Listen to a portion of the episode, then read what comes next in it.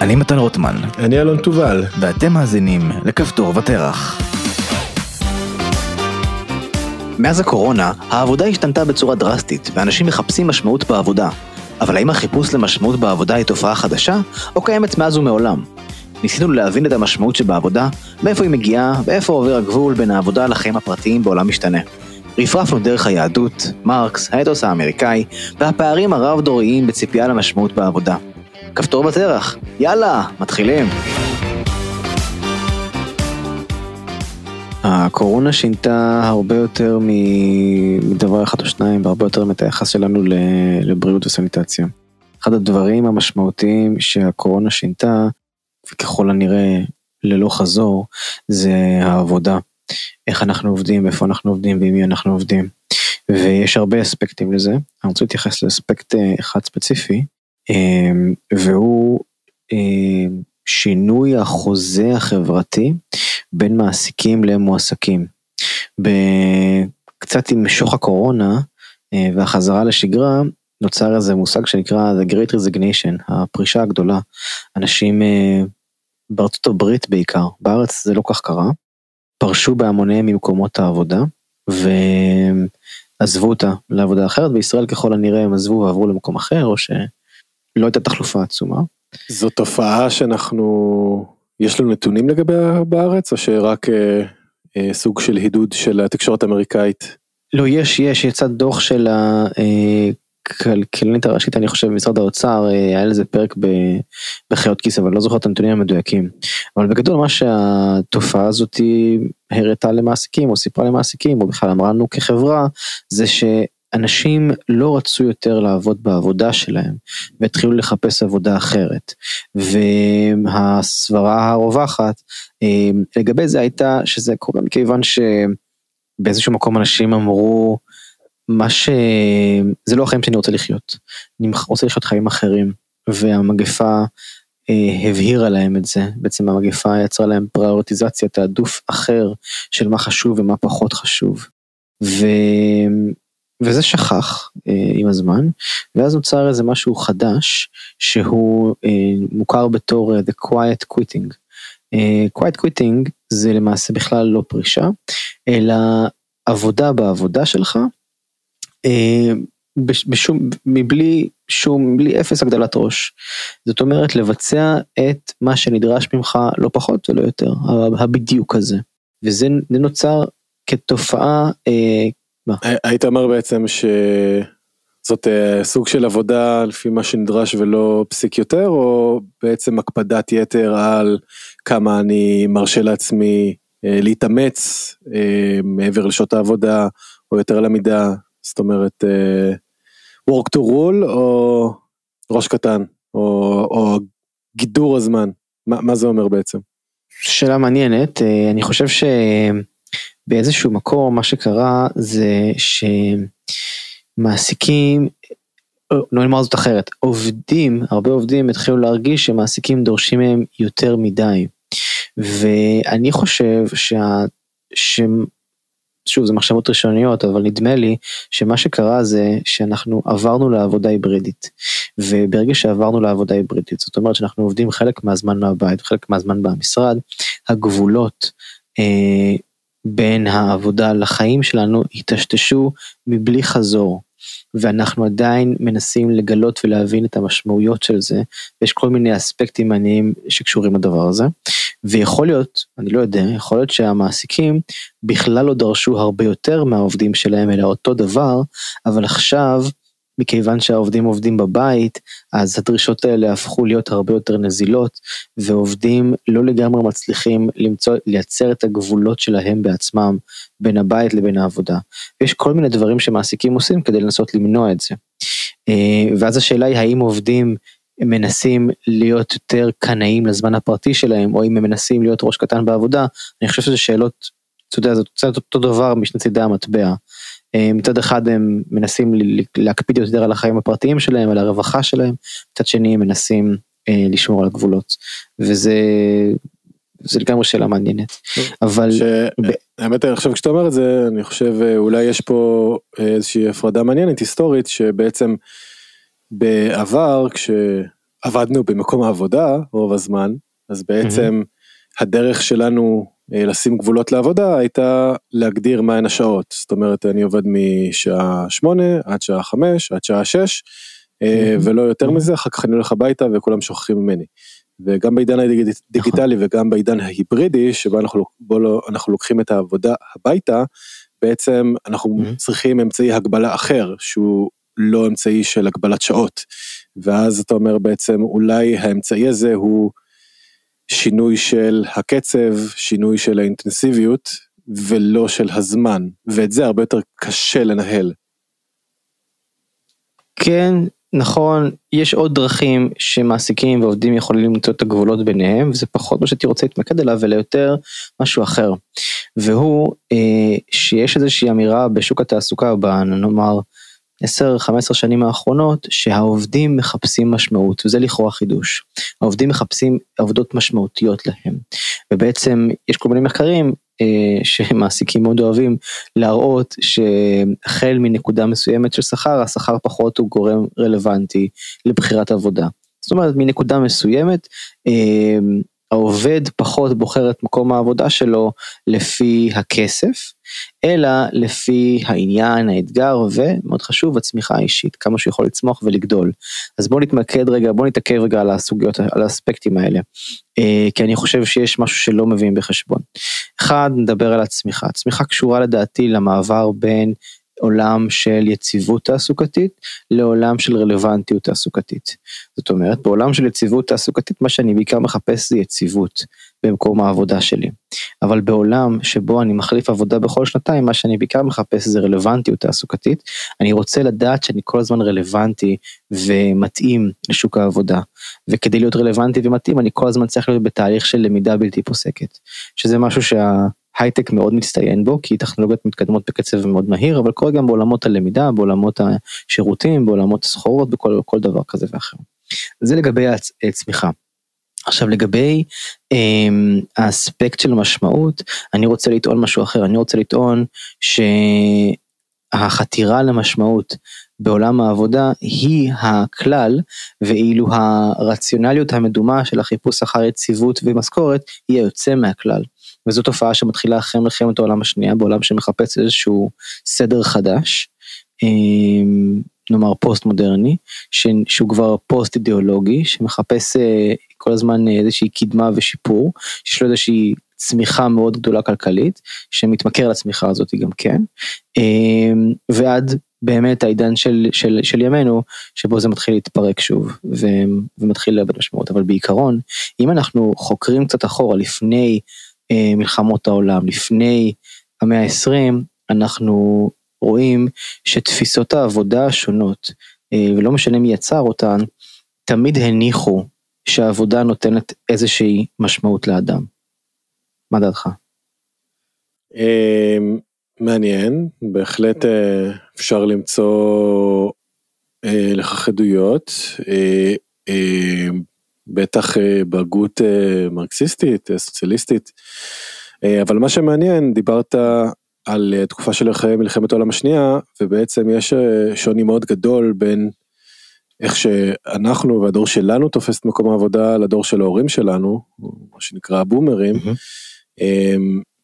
אני, אני באמת לא בטוח עד כמה הם שאתה קורא להם בומרים כי זה baby boomers זה לא סתם בומרים כן, בומרים זה סאחים בדיוק אז אה, אז אז סליחה שהעלבתי. מקווה שאף אחד לא מאזין. אף בומר לא מאזין. אוקיי. אה, ומעניין מאוד זאת אומרת מה שאותי מעניין עד כמה אצלם יש מושג בכלל של אה, משמעות בעבודה אולי יש משמעות לקידום בעבודה, דוגמה, זאת אומרת שיש איזשהו סולם ואנחנו מטפסים במעלה הסולם אה, בתוך אותו מקום עבודה ואולי זה מקור של משמעות אבל זה מאוד מאוד שונה מ, אה, ממה שאנחנו רואים היום. אז, אז בוא נפרק את זה רגע כי זה משתנה ממקום למקום בעולם. בעיקרון, ה, אה, קודם כל בוא נבין מה זה משמעות. יש למשמעות הרבה הגדרות, אני אישית אוהב הגדרה ספציפית שאומרת שמשמעות היא יכולת לתרגם את עצמך באופנים שונים. ולמה הכוונה? אם חושבים על המילה משמעות, פשוט כפשוטה, אז המילה משמעות היא בעצם היכולת לתרגם דבר אחד בתוך ההקשר שלו. למשל, אם אני אומר, אמ, שאתמול ניקיתי את הרצפה עם האות ג' זה חסר משמעות, אין לזה משמעות. כי האות ג' מקבלת את הפשר שלה, את המשמעות, בתוך ההקשר של אותיות בית. היא אחרי האות ב', היא לפני האות ד', יש לה צורה מסוימת, יש לה סמנטיקה מסוימת, יש לה מצטול מסוים, אה, והיא משמשת לדברים מסוימים. אם אני אומר שאתמול שתיתי מרטיני בטעם דו או בטעם רד דיאז, אין לזה משמעות, זה חסר משמעות. אה, וגם בהקשר של האדם, והחיפוש אחר המשמעות, אנחנו בעצם אה, מחפשים דרכים להסביר את עצמנו לעצמנו בהקשרים שונים, לתת לעצמנו איזשהו הקשר, ובמובן הזה העבודה היא נותנת לאדם משמעות, כי היא מאפשרת לו לספר לעצמו, להסביר לעצמו מי הוא אה, בצורות, בצורה מאוד משמעותית, נותנת לו איזשהו הסבר ופשר. עכשיו, אה, אני מאמין שיש דברים שנותנים יותר משמעות ויש דברים שנותנים פחות משמעות וזה תלוי גם בחינוך, גם בסביבה וגם בכל מיני דברים שהם טבעיים ומולדים בנו. למשל, אני חושב שרוב, הרוב המוחלט של בני אדם מוצאים משמעות כשהם מתרגמים את עצמם לעצמם באופנים שמסייעים לאנשים אחרים, או שמתקשרים עם אנשים אחרים בקשר של אחריות. אה, ולכן אם יש לך חיית מחמד, זה נותן לך משמעות גדולה. יש לך ילד, זה נותן לך משמעות עצומה. לרוב האנשים, שוב, לא לכולם, ויש אה, שונים בדבר הזה. אבל ככלל הייתי אומר שמערכות אנושיות שמתכתבות עם המשמעויות הטבעיות הללו, הן חזקות יותר באופן אינהרנטי מאלו שלא. מתכתבות איתנו, אלו שמתנגדות להן אה, באופן כללי. ובגלל זה אני הרבה יותר מאמין בזהויות אדוותיות, שהן זהויות שמתפרסות אה, לרוחב מאשר בזהויות אנכיות, שהן בדרך כלל זהויות מעמד, מעמדיות. כי אני מאמין שהאדם הוא יותר יצור שמגיב לסביבה הקרובה שלו מאשר לסביבה המעמדית שלו. לצורך העניין אני הרבה יותר מתחבר למקום שממנו באתי, אם גרתי בפריפריה למשל, אה, ואולי לעדה שלי, אולי לאיך שהתייחסו אליי, מאשר להאם אני פועל. והשאלה היא כאילו אם יש פועל בשוודיה שאני לא מכיר, אני ארגיש פחות השתייכות אליו. וזה בהקשרים של משמעות. אז כשאנחנו מדברים על עבודה ועל על הבומרים שציינת, אה, אני חושב שבעידן שלהם מה שהיה מעניין עבורם זה בעיקר יציבות, אבל כל אחד מהסיבות שלו, האמריקאים, ה baby boomer זה החבר'ה של אחרי דור ההיפים בעצם, וההיפים הם אה, תנועה שמקדשת את, את, את היעדר היציבות. את החופש, את החירות, את האפשרות, את הפוטנציאל, והילדים שלהם בעצם אה, מורדים בדבר הזה ומחפשים איזושהי יציבות מאוד גדולה. אז המשמעות שהם עשויים לקבל מהעבודה היא לאו דווקא המשמעות הפנימית של זה אני, אה, וזה מה שזה אומר עליי, אה, או נגיד אני מהנדס כי אני אוהב לפתור חידות, זה פחות מטריד אותם, יותר, יותר, יותר, יותר המשמעות שהם מוצאים, התרגום שלהם זה אני מסוגל לפרנס, אני יכולה לפרנס את המשפחה שלי, אני מסוגלת לתת uh, משהו למישהו אחר, או um, um, אני מצליחה לייצר איזשהו משהו יציב בחיים שלי בניגוד להורים שלי או משהו כזה. והמשמעות שאנחנו, התרגום שאנחנו עושים היום הוא תרגום שונה. המשמעות שאנחנו מתרגמים את הדברים האלה היום הוא תרגום שונה, אה, הוא יותר כמו איפה זה פוגש אותי, איך אני מתרגם את עצמי בתוך ההקשר הפנימי של העבודה, נדמה לי. מעניין, אז אה, יש אה, גם אה, איזושהי הנחה ש, שמעניינת, נדמה לי שבפער בין, לצורך העניין בינינו לבין דור ההורים, יש קונצנזוס אה, על פניו, שאומר את הדבר הבא, שלמעשה מקום העבודה הפך להיות חסר משמעות. אה, ואז יש שתי דרכים לפרש את זה. דרך אחת היא שמקום העבודה לא אמור לספק לך משמעות. זה מקום שבו אתה מתפרנס, המשמעות היא בבית שלך, אולי יש אה, משמעות ללעבוד קשה, אבל מה שאתה עושה במקום העבודה לא מגדיר אותך. אה, והוא לא משמעות חייך. ויש את התגובה הנגדית אולי, שאומרת בעצם מה שאנחנו רואים היום, אנחנו רוצים שמקום העבודה שלנו ייתן מענה קודם כל לשאלת המשמעות בחיינו, ויש ערך למענה הזה לפני פרמטרים אחרים בעבודה. אה, ואנחנו כאילו נמצאים באיזשהו שבר בין התפיסה הזאתי לבין התפיסה השנייה, כשמצב הביניים הוא שבאמת אין משמעות למקום העבודה.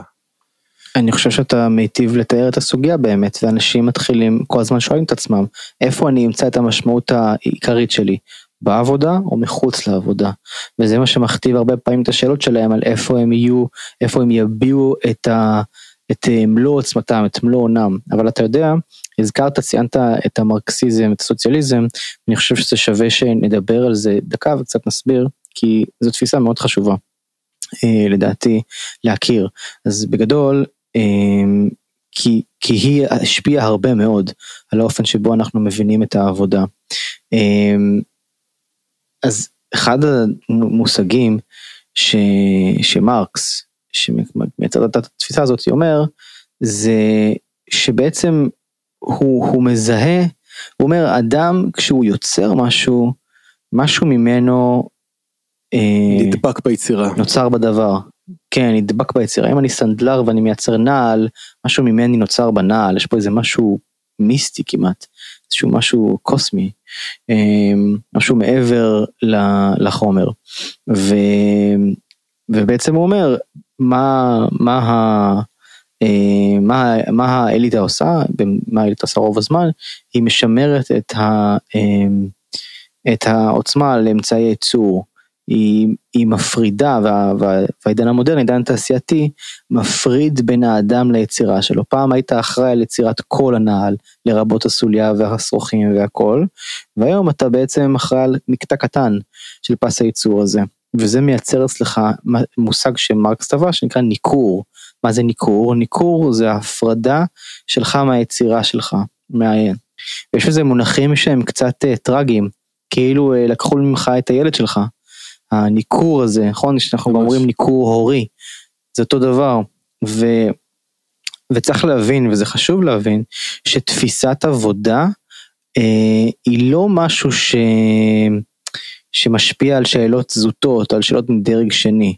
תפיסת עבודה זה משהו שמשפיע על חברה שלמה באופן שבו היא שואלת את עצמה כמה מקום אני אתן לעבודה בחיים שלי.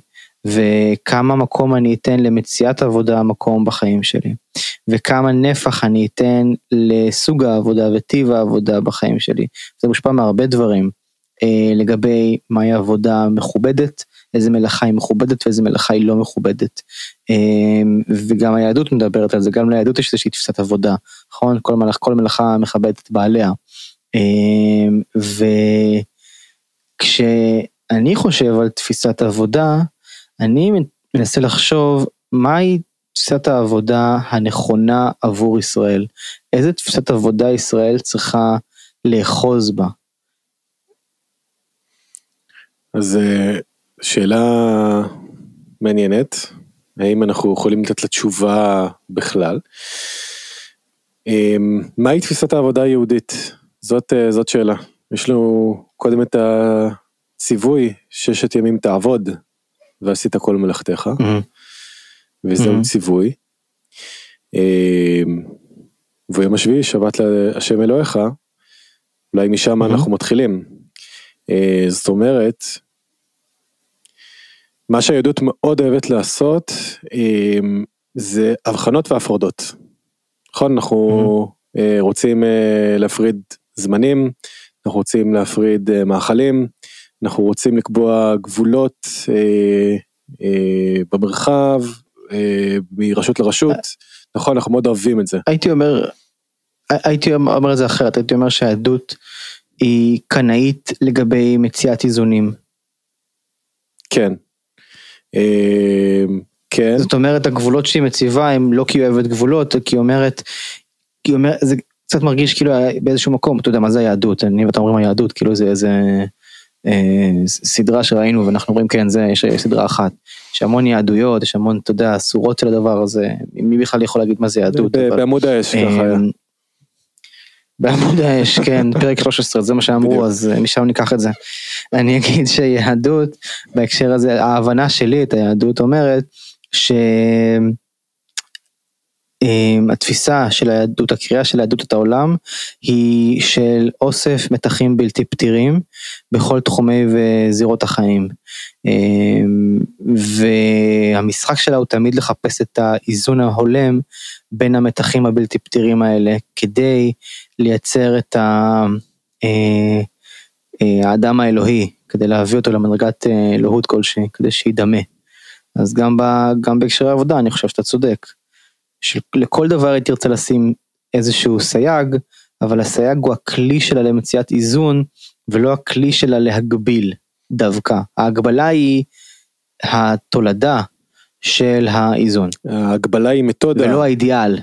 היא כן, כן, היא מתודה, אבל היא מתודה כן. חשובה, כי נדמה לי שהיא תופסת משהו חשוב בהוויה האנושית ובגבולות ובמגבלות של בני אדם, שהאמת mm. היא שאנחנו מאוד מתקשים להפעיל אה, בסוף איזשהו שיקול דעת אה, אה, מיטבי, ואנחנו צריכים את הגבולות האלה בשביל אה, אה, באמת לנהל את עצמנו, אה, ולא, זאת אומרת, אם, אם אנחנו, אני כל הזמן עולה לי ההקשר של העבודה ההיברידית, אמ, ובאמת קשה לנו להיות במצב שבו אנחנו מסוגלים לאזן את עצמנו בזמן אמת, ואנחנו צריכים איזשהו קיטוע, איזושהי נקודה, אה, איזושהי הפרדה בין דבר אחד לדבר אחר. Mm-hmm. נדמה לי שזה איזושהי תפיסה של טבע האדם שעדות אה, מטיבה לתפוס. מה ש... יהדות ולדעתי גם דתות אחרות מבינות היטב זה שאנחנו המוח האנושי עובד הרבה יותר טוב עם כללים פשוטים וברורים בדרך כלל של לא מאשר עם כללים עמומים של כן. למשל אה, הרבה יותר קשה להגיד למישהו אה, תאכל את כל אבות המזון בצורה מדודה. הרבה יותר קל להגיד לו אל תאכל אחרי שמונה. נכון? כן. למרות שלאכול, לא לאכול אחרי שמונה אין לזה שום משמעות אמיתית, אלא זה פשוט uh, גורם לאדם להפסיק לאכול, ואז הוא יותר קל לו לרזות לצורך העניין, מאשר להגיד לו תפסיק שאתה שבע. תפסיק את השבע זה א' עמום, וב' פוזיטיבי, נכון? כאילו, אתה צריך uh, להיות שבע כזה, אל, אל תאכל אחרי שמונה זה הרבה יותר קל למלא את זה. Uh, אז גם היהדות אומרת אל תעבוד בשבת. אגב בהקשר הזה אני חושב שזה לאו דווקא עבודה. אלא לאו דווקא עבודה כמו שאנחנו מבינים אותה, כי זה, זה קצת שונה, זה יותר כמו, אני תופס את זה לפחות, כמו בריאה, אסור לברוא דברים, כי זה מה שאלוהים עשה, הוא ברא שישה ימים אז הוא הפסיק לברוא. אבל לצורך העניין אין שום בעיה שתתאמץ בשבת, אתה יכול כאילו, יש לרמב"ם קטע שהוא אומר כאילו אם אתה צריך לחרוץ אה, חריצים באדמה, אסור לחרוץ, כי זה כמו אה, להדור את השדה. אם חרצת חריצים באדמה כי הזזת שולחן, השולחן זז ממקום אחד למקום שני ואתה צריך להזיז את השולחן, זה לא נחשב מלאכה, אתה יכול לעשות את זה. למה? כי לא בראת שום דבר. לא יצרת איזה משהו אה, שלא היה בעולם קודם, במובן של בריאה. זה עשה שולחן. אתה יכול גם להזיע מזה מאוד, זה לא משנה. אה, אבל כן, פה היהדות מפרידה בין דברים שיוצרים דברים, לדברים שלא יוצרים דברים. ובהקשר הזה מלאכה זה משהו שיוצר משהו. וגם, וגם פה אתה יכול לראות שהיהדות באמת תופסת את העבודה כמשהו של הולדה, שמשהו שמקשר בין היוצר שלו ליצירה שלו, ובוודאי שיש איזשהו קשר בין בורא עולם לבין האדם שהוא ברא, חיבה, כעס, שנאה, התרחקות, התקרבות, לא חשוב. היוצר לא יכול להתכחש ליצירה שלו הפועל לא יכול להתקשר, להתכחש לפעולה שלו, העובד לא יכול להתכחש לעבודה שלו במובן האינטימי שלה. מעניין. ופה יש לי איזושהי התלבטות או חוסר נוחות אה, אה, פנימי, כי אנחנו חוזרים אה, במידת מה, אני חושב למה שדיברת אה, אה, לגבי מרקס, אה, לגבי הזרות אה, או ההזרה. של העבודה. ניכור. הניכור, כן. סליחה, המאמר דרך אגב של עבודה מנקרת תרגום גרוע מאוד לעברית, צריך להחליף אותו. נשמע כאילו, נשמע כאילו היא מעייפת, נכון? העבודה מנקרת. כן, כן, תורגם בכתבי שחרות ולא הצלחתי לקרוא מה, מה הולך שם, אז נאלצתי לקרוא את זה באנגלית, לכן אני מתרגם גרוע. והמאמר שם, זאת אומרת, הוא אפילו יותר מרחיק לכת, אני חושב, מה שאמרת קודם, הוא באמת אומר ש... כשאדם יוצר משהו, אז חלק מהיצירה אה, זה הוא. הוא, חלק מהיצירה היא חלק מהאדם שיוצר, ואז הוא גוזר משמעויות חברתיות שלפחות במחשבה המודרנית, קפיטליסטית, אה, הן מאוד מרחיקות לכת, כן, הרי כשאנחנו מדברים למשל על אה, תפיסות, אה, תפיסת עבודה שאנחנו מוצאים בבתי הדין לעבודה או במקומות שהם מאוד מרקסיסטיים, אז יש משפט שחוזר על עצמו, שהוא ממש לקוח מאותה, מאותו רעיון, שהוא אומר העבודה אינה מצרך, או באנגלית זה יותר טוב, labor is not a commodity, זאת אומרת הוא לא סחורה, מה, מה מנסים לומר? שעבודה היא לא דבר שכיר. אה, ברגע שייצרת מוצר שנדבק בו משהו ממך, לא ראוי שאתה תסחור בו, זאת אומרת זה כמו באמת אה, דיברת על ילדים, זה כמו לסחור mm-hmm. בילדים, כן, או mm-hmm. בעצם אה, לתת רשות שימוש למישהו אחר בזכויות של מה שאתה יצרת, אבל זה לא, זה לא יצירה שהיא באמת היא לא חפץ לצורך העניין, אף על פי שאנחנו מדברים גם על יצירה של חפצים באמת. אה, ו, וכאן התפיסה הזאת מרגישה לי סנטימנטלית יתר על המידה אה, בעולם שלנו, שהוא עולם mm-hmm. סוחר, אה, אז, אז ברור שאנחנו לא רוצים לסחור בכוח עבודה במובן של אנחנו, אני יכול לקבוע עכשיו אתה לצורך העניין מכרת לי את זמנך ואני יכול לקבוע מה תעשה בזמן הזה. אבל איפה איפה הגבול? זאת שאלה מעניינת וגם איפה זה עומד ביחס ליהדות.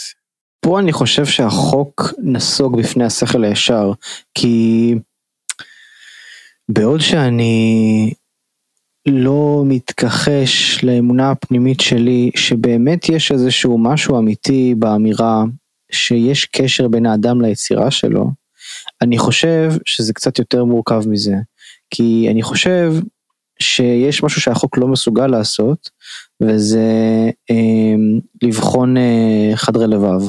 למה אני מתכוון? לפעמים אני מייצר משהו ואכפת לי מאוד ממנו, ולפעמים אני מייצר משהו ולא אכפת לי בכלל ממנו. אה, ואני הוא זה שבוחר, אני, אני הייתי רוצה לבחור אה, מתי ככה, מתי זה ככה, מתי זה כך. זאת אומרת, אמ, לא הייתי רוצה להגיע למצב שאני מרגיש שמישהו מנצל את טוב ליבי או את הבורות שלי או את החוסר ישע שלי כדי לגזול ממני משהו שאני מרגיש שאני לא הייתי רוצה לתת, כמו זמן או מיומנות או יכולת. אבל מאידך גיסא, כשכן הייתי רוצה ולא אכפת לי, הייתי שמח למכור את הזמן, ידיים עובדות, אמ, כישורים, מיומנויות, כל דבר שאני רוצה למכור, אה, ולא הייתי רוצה שיגבילו אותי בזה. ובעמדה הזאת אני קצת קיצוני הייתי אומר, כי אם מישהו רוצה למכור משהו שלו, אני חושב שהוא צריך להיות מסוגל לעשות את זה למעט במקרים מאוד מאוד קיצוניים. אה, ומאידך גיסא, לא לגמרי ברור איך אנחנו יוצרים את ההגנות כלפי מי שלא רוצה, מבלי לייצר איזושהי שרירותיות יתר. כן, אתה אומר בעצם היחס השברירי כל כך אה, לתוצר שלנו הופך אותו להיות בלתי חסר משמעות ובכך הוא בעצם מגביל אותנו ואת היצר שלנו ליצור. ויותר מזה אני אגיד שהמערכות שאנחנו בנינו, המערכות המודרניות שבנינו, לא מתייחסות לרצון כמשהו שיש בו אה, אמת החלטתית. ורואים את זה בהרבה דברים, אנחנו הרבה פעמים נוטים להסתכל על אמצעים או על תסמינים במקום להסתכל על מטרה או על מקור. אה, במערכות שאנחנו בונים, בגלל שאנחנו מתקשים להסתכל או לחשוב על מקור, הרבה פעמים אנחנו נסוגים או לכלום מוחלט או ליותר מדי. זאת אומרת, או שאנחנו אומרים טוב ניתן לכולם את מה שהם רוצים כל הזמן, אה, כי אין לנו שום דרך לדעת מה אנשים רוצים, או שאנחנו אומרים אה, שאנחנו נסוגים לאיזושהי פטרונות אה, כאילו דרקונית, שאומרת אנחנו תמיד יודעים מה אנשים רוצים ולכן אנחנו נגן עליהם על פני עצמם. אבל אין איזשהו אה, דרך מתוחכמת יותר לייצר שביל זהב, וזה אני חושב משהו ששווה לחשוב עליו. אה, לסיום, גם שווה לחשוב אה, עד כמה באמת אה, התפיסה שאנחנו, אה, שמקום העבודה מהווה מקור, יש לנו ציפייה שמקום העבודה יהווה מקור למשמעות, הוא מאוד מודרני. אני חושב שלפחות בהוויה הישראלית, נדמה לי שהוא מאוד מודרני ושהוא מחליף במידת מה את המשמעות אה, הלאומית אז אתה, אולי. אתה סובר שה... אתה סובר שהרצון למשמעות בעבודה הוא דווקא יצירה מודרנית והוא לא תמיד היה קיים מאז שאדם עובד? אני חושב שהוא תמיד היה קיים במידת מה. השאלה ביחס עד כמה הוא עמד אה, יחידי ביחס למסגרות אחרות, לדברים אחרים שאנחנו עושים. נדמה אה, שהיום. אולי העבודה היא מעל המשפחה, היא מעל המדינה.